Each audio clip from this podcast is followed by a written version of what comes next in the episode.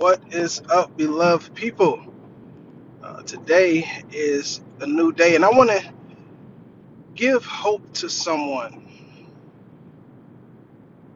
I was reading a book entitled Living Together by Dietrich Bonhoeffer, whose main focus is discipleship.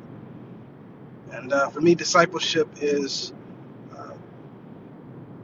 in the best way you can as a human to follow uh, the life and teachings of Jesus Christ.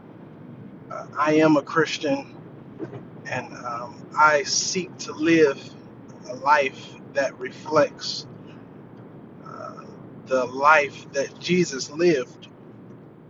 And there was one one particular passage in the book that I'm paraphrasing, and I hope that this gives you some sense of uh, meaning or hope. Is that he was essentially saying in his book that we are not to look at each day the same way as the previous day, that at the start of each day, there is a Savior. That Savior is Jesus Christ.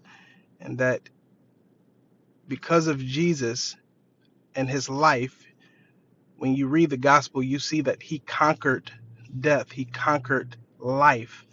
And, um, and if he is standing at the beginning of your day, if you see Jesus as that that Lord, that King, that that that Savior who is standing at each day, then you ought to walk in a sense of hope, knowing that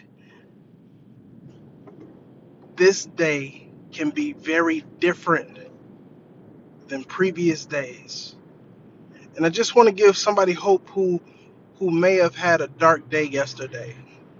You was about to throw in a towel and you contemplated um, where you are in life and you start to think and you may have had a bad day yesterday. I want to tell you that uh, for followers of Jesus, listen, Jesus is standing at the beginning of each day. And when you look onto him and seek him and see how you can be in relationship with him, then you have what you need in order for you to conquer each day. I'm not going to say uh, life circumstances won't get in the way. Yeah, you will wake up and some days will uh, be be good. You'll wake up and some days be bad. That, that's just the, the, the, the rhythm of life.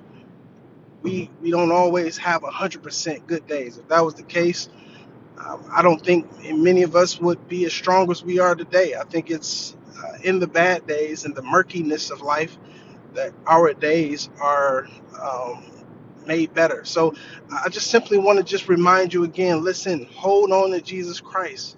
He is at the start of your day. And if He is at the start of your day, you can seek Him and He will walk with you throughout the day. Man, I'm always encouraged that today does not necessarily have to be like yesterday. You are empowered to walk in the freshness, the greatness of a new day. Be encouraged and know that God is on your side.